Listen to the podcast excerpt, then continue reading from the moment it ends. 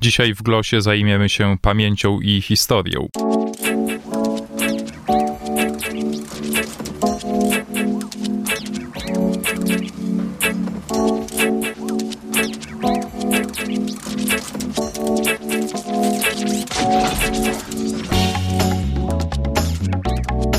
Na początku września często odwołujemy się do przeszłości, to w końcu czas, kiedy wspominamy rozpoczęcie II wojny światowej, atak Niemiec na Polskę, później Rosji na Polskę.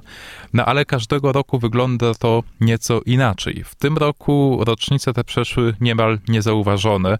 W prasie codziennej była to informacja na piątej, szóstej, siódmej stronie. Dlaczego? Przecież historia się nie zmieniła. No, historia może nie, ale pamięć o niej owszem. I o tym właśnie traktuje nowa książka Jacques'a Legoffa, Historia i Pamięć, za wydanie której na polskim rynku jestem niezmiernie wdzięczny wydawnictwom Uniwersytetu Warszawskiego. Jacques Le Goff to francuski historyk mediewista, nadsekwaną ikona współczesnych badań historycznych, ale w książce, o której dzisiaj mówię, Le odchodzi od swojego konika, czyli średniowiecza i w napisanych bez zbędnego owijania w bawełnę esejach pokazuje, jaki wpływ na historię ma teraźniejszość. Odkrywa przy tym techniki manipulowania przeszłością, pisze wreszcie o szalenie modnym w ostatnim czasie pojęciu o pamięci społecznej. Czymże jest ta pamięć społeczna? No, najogólniej mówiąc, jest to to, co ludzie pamiętają o historii, a więc jest bardzo zmienna i poddaje się naciskom władzy, ale też historyków czy publicystów najbardziej spektakularny przykład zmiany pamięci społecznej w Polsce przynajmniej? No proszę bardzo, powstanie warszawskie.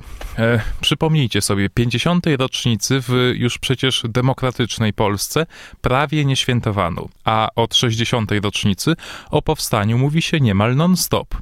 No i kto i po co doprowadził do przywrócenia pamięci o powstaniu? Zróbmy krótką analizę, korzystając z wykładu, jaki Legow przeprowadził w trzecim rozdziale swojej książki.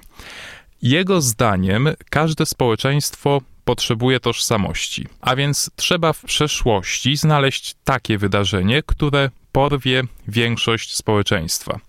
To wydarzenie musi dotyczyć jak największej liczby ludzi, tkwić ukryte w opowieściach rodzinnych czy osobistych wspomnieniach. No i powstanie warszawskie nadawało się do tego idealnie.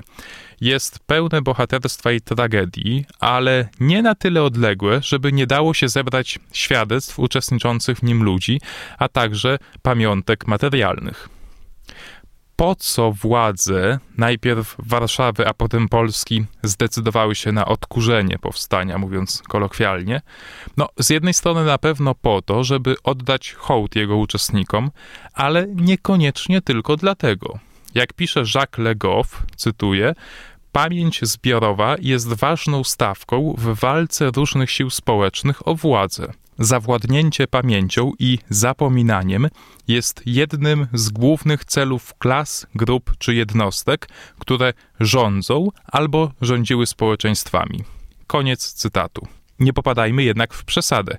Nie wszystkie działania wpływające na pamięć społeczną muszą być od razu manipulacją. Mogą służyć również innym, bardziej wzniosłym celom, takim jak szczera chęć wyciągnięcia z zapomnienia ważnych epizodów z przeszłości. Ale warto mieć świadomość, że historia może być ważnym narzędziem w walce o wpływy.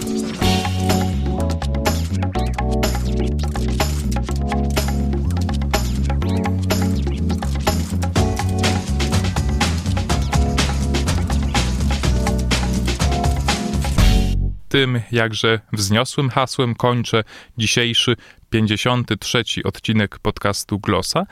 Zapraszam do dzielenia się swoimi refleksjami na stronie www.glosa.info adres mailowy dobrze znany glosa.glosa.info, a my słyszymy się już niedługo na falach, no nie eteru, tylko internetu w kolejnym podcaście Glosa. Paweł Adam Piotrowicz, kłaniam się, do usłyszenia.